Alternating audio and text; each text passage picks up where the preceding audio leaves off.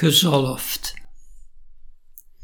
Boeddha's schilferende stofgoud, dicht resterend lek in steeds kariger weefsel.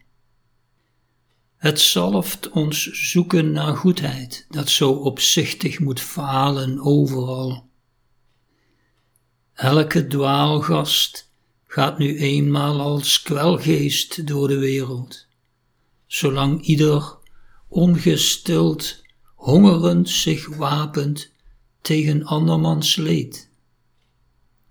Hou vast vermijdend, brengt een welkome hand vol mytheliederen via zijn uitgerijpt hart, zelfs zulks wolkend tuig naar bodemterrein, waar huiswaarts ons loodst de serene aard van zijn tijdloze instructie.